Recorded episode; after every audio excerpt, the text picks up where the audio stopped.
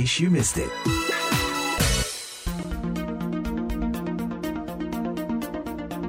Para pendengar Voice of America bersama kita sudah ada Ibu Nana Yuliana. Beliau adalah duta besar perempuan pertama yang ditempatkan Indonesia di Kuba sejak posisi ini ada di tahun 1963. Apa kabar uh, Bu Nana? Kabar baik Mbak Eva. Uh, salam dari Havana, Kuba yang udaranya saat ini uh, hangat. Barangkali berbeda dengan di Amerika yang sedang uh, snowstorm tapi kalau di uh, Kuba ini more or less uh, udaranya hampir sama dengan di uh, Indonesia. Enak ya anget ya? Ya Mbak. Tadi waktu Mbak Nana anget, ya. bilang akan jogging ada di Havana atau ketika bahkan pertama kali mendengar Ibu Nana akan ditempatkan di Havana di Kuba, saya yang dengarnya juga agak deg-degan karena kebiasaan nonton di film-film Amerika kayaknya kalau udah ngomong Kuba tuh serem gitu kan. Tapi kayaknya Bu Nana tenang-tenang aja santai malah tadi ya sempat jogging dan sebagainya. Oh iya, jadi memang uh, pencitraan Kuba di Amerika itu berbeda dengan apa yang saya rasakan di sini. Dari sisi uh, kondisi politik sebetulnya mereka aman-aman saja karena memang Kuba ini kan negara sosialis ya, jadi uh, memang satu partai dan uh, sangat kontrol. Barangkali kalau kita ingat zaman-zaman uh, sebelum reformasi uh, suasananya more or less hampir sama, tetapi uh, sekarang sudah banyak perubahan-perubahan uh, dengan uh, kepemimpinan yang baru yang dipegang oleh uh, Presiden uh, Diaz Canel, Mbak. Barangkali memang kalau ke sini itu kita bisa melihat masih banyak sekali gedung-gedung yang uh, tua dan juga agak kusam warnanya karena memang uh, embargo atau sanksi dari Amerika Serikat ini banyak sekali mempengaruhi kehidupan sosial ekonomi masyarakat yang ada di uh, Kuba ini Mbak Eva. Iya, iya. Kami sempat lihat juga ketika Presiden Obama sempat datang ke sana begitu kan. Lalu wah, ini kayak Indonesia di tahun 70-an. Sama sekali seperti tidak ada pembangunan, tidak ada kemajuan, tapi ya enak aja karena seperti kembali ke apa time tunnel ya, Mbak Nana. Toto kita bisa lihat lagi, iya. oh zaman dulu tuh kayak gini tuh dan dan orangnya enjoy enjoy aja tuh. Orangnya enjoy enjoy aja, uh, kayak time tunnel betul mbak. Jadi kayak tahun 50-an, 60-an barangkali ya. Uh, mobil-mobilnya mobil-mobil tua, kemudian juga gedung-gedungnya gedung-gedung tua. Uh, dan juga uh, masyarakatnya memang uh, kehidupannya tenang, tapi memang sejak COVID ini bahkan saya dengar juga sebelum COVID untuk uh, makanan itu uh, satu challenge sendiri karena memang agak sulit mendapatkan uh, beras. Misalnya untuk kami para diplomat yang ada di sini ini challenge ya uh, mendapatkan bahan makanan uh, terutama beras kemudian ayam.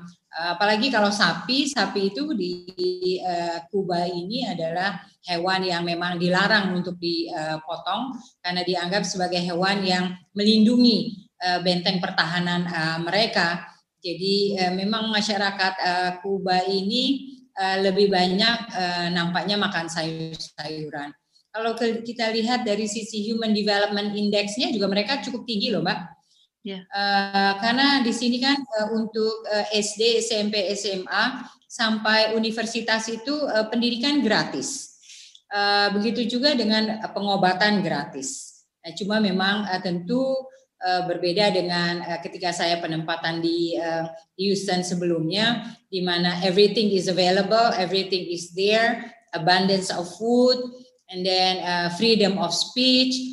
Tentu uh, Kuba berbeda dengan uh, totally dengan uh, Amerika Serikat. Uh, tidak jauh sebetulnya dari Amerika. Kalau kita lihat uh, di ujung Florida itu sekitar uh, 39 miles dari Key West yang tidak terlalu jauh, tapi completely a different uh, different world.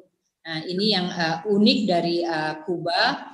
Dan saya sebetulnya bukan hanya Kuba, uh, Mbak Eva, saya juga uh, merangkap dengan negara lain seperti uh, Bahamas, Jamaika, kemudian juga Haiti dan uh, Dominican Republic. Jadi dari KBRI Havana ini kita mengcover uh, lima negara akreditasi uh, sekaligus. Hmm, jadi justru sebetulnya sanksi ekonomi itu membuat warganya menjadi lebih solid, lebih militan begitu ya, Mbak. Tapi lepas dari uh, masyarakat di Kuba sendiri, sebetulnya apa target hubungan kita Indonesia-Kuba sebetulnya, Mbak Nana? Uh, kalau kita lihat ya, sebetulnya uh, dari si, uh, sisi historical perspektif sejak tahun 60 dua ketika pertama kali presiden pertama kita Bapak Presiden Soekarno berkunjung ke Kuba saat itu banyak sekali negara yang memperjuangkan untuk uh, kemerdekaannya. Uh, hubungan diplomatik pada waktu itu dan juga pembukaan embassy pertama kali di Kuba ini dilaksanakan pada tanggal 14 Agustus tahun 1963. Hubungan diplomatik antara Indonesia dengan Kuba banyak capaian yang dilakukan terutama memang Kuba ini uh, sangat uh, mendukung posisi-posisi Indonesia ketika kita mencalonkan diri untuk menjadi uh, anggota maupun juga apa pun di badan-badan internasional, badan PBB seperti misalnya ketika kita mencalonkan diri sebagai anggota tidak tetap Dewan Keamanan PBB, kemudian juga anggota Dewan HAM, kemudian juga ECOSOC dan sebagainya negara-negara di Karibia ini dan juga terutama Kuba itu eh, selalu mendukung uh, posisi Indonesia sehingga kita mendapat perolehan suara dalam uh, pencalonan uh, kita uh, di berbagai uh, forum internasional. Nah, yang target kita akan lakukan sesuai dengan uh, tentunya permintaan dari uh, Indonesia, Bapak Presiden sekarang ini menekankan pada diplomasi uh, ekonomi. Jadi memang uh, upaya kita KBRI uh, eh, di Havana ini saya sebut dengan uh, 4P, Mbak. Uh, P yang pertama adalah political uh, engagement. Jadi memang kita ingin uh, terus meningkatkan uh, hubungan kedua negara agar uh, Kuba dan negara-negara akreditasi selalu uh, mendukung uh, posisi Indonesia dalam forum-forum internasional. Begitu juga Indonesia selalu mendukung Kuba khususnya agar Kuba bisa dicabut dari sanksi eh, yang dijatuhi oleh eh, Amerika Serikat eh, selama lebih dari 60 tahun ini. Hmm. Dan yang kedua ada P yang kedua adalah promoting TTI, um, tourism, trade and investment. Nah, untuk yang tourism ini memang uh, sudah uh, terdapat peningkatan. Nah, untuk trade kita juga mengalami uh, uh, surplus sebetulnya dengan uh, uh, Kuba, kita mengekspor kertas, kemudian sabun, minyak hewan dan nabati, serta glassware dan furniture.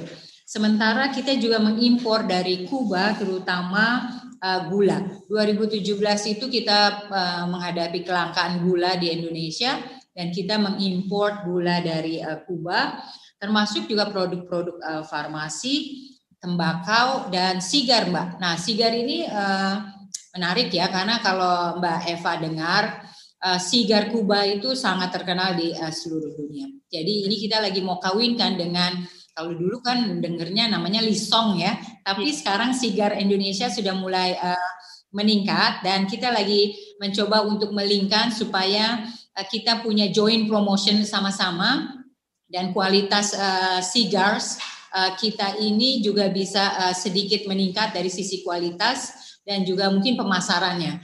Uh, dan uh, yang uh, berikutnya, memang tentu di dalam uh, diplomasi ekonomi ini ada hambatan tersendiri, uh, Mbak Eva. Ya. Frankly speaking, memang untuk bisnis dengan Kuba ini karena uh, sanksi yang dijatuhi oleh Amerika, kita masih menggunakan pihak atau negara ketiga jadi kita tidak bisa berbisnis langsung, ya, langsung, sehingga untuk investasi juga demikian dari Indonesia ke Kuba dan apalagi dari Kuba ke Indonesia ya. Eh, kami sudah dua kali mencoba menghubungkan. Eh, sekarang ini ada eh, dua pengusaha, tiga pengusaha yang tertarik untuk berbisnis dengan Indonesia, tapi memang kita menggunakan pihak ketiga untuk sampai barang ini ke Kuba jadi dengan uh, Meksiko, jadi barang itu dikirim ke Meksiko, Meksiko baru ke Kuba, dan satunya lagi adalah uh, lewat uh, Panama, jadi perusahaan uh, dari uh, Panama. Karena memang perusahaan Indonesia juga agak uh, khawatir kalau uh, melakukan bisnis secara langsung dengan Kuba, tentunya takut dijatuhi uh, hukuman atau sanksi dari Amerika. Yang ketiga, P-nya adalah people to people connectivity. Nah, saya menargetkan dalam tiga tahun ke depan ini selama kepemimpinan saya paling tidak ada 30 uh, digital uh, Indonesian Corner. Nah, ini engagement kami uh, upaya kita dengan universitas-universitas. Um, tentu banyak yang uh, belum mengenal, terutama kalangan milenials dan uh, anak mudanya Kuba, banyak yang belum mengenal mengenai Indonesia. Jadi saya akan datang ke universitas-universitas, bagus menurut saya. Bu Nana cerita dan, dong tentang peran perempuan, Bu Nana. Bu Nana bilang kan luar biasa sekali ya, sampai 53 persen lebih. Jadi memang uh, saya juga uh, kaget ya, 53,22 persen anggota parlemennya itu diduduki oleh perempuan.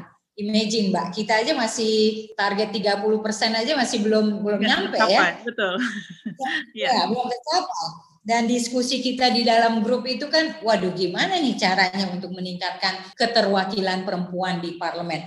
Tapi ya. Kuba itu lebih dari itu dan uh, uh, saya men, uh, melihat data the second highest uh, uh, women representative in the world is uh, from Cuba.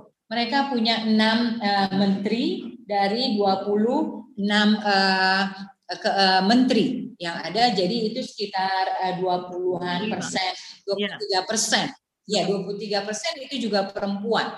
Jadi uh, surprisingly, walaupun mereka sistemnya sosialis, komunis, tapi they give a chance for women to take part in a decision making. Dan ini saya kira satu kebanggaan tersendiri, Mbak. Dan kalau dilihat dari sisi life expectancy-nya juga mereka nggak nggak jauh dari Amerika loh, Mbak Eva.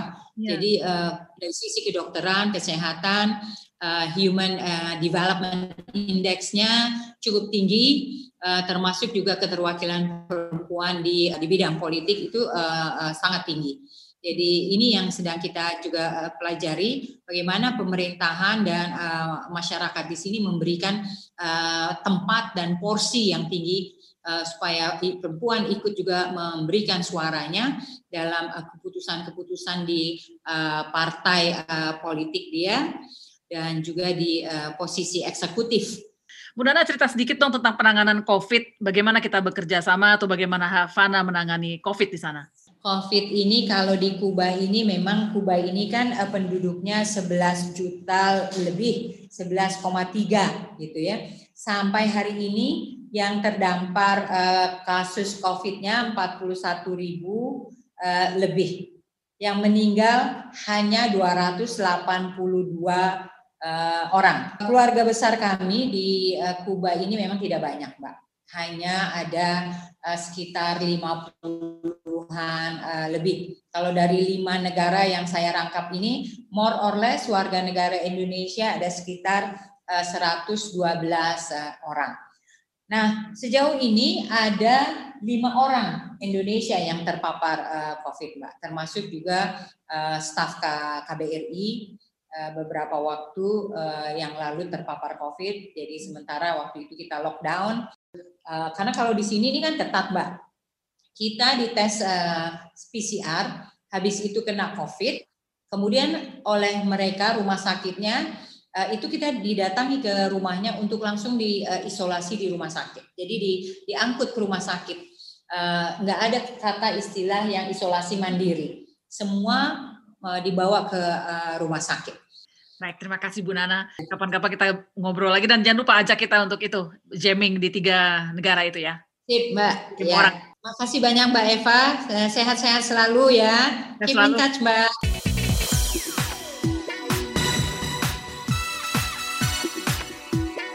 Case you missed it.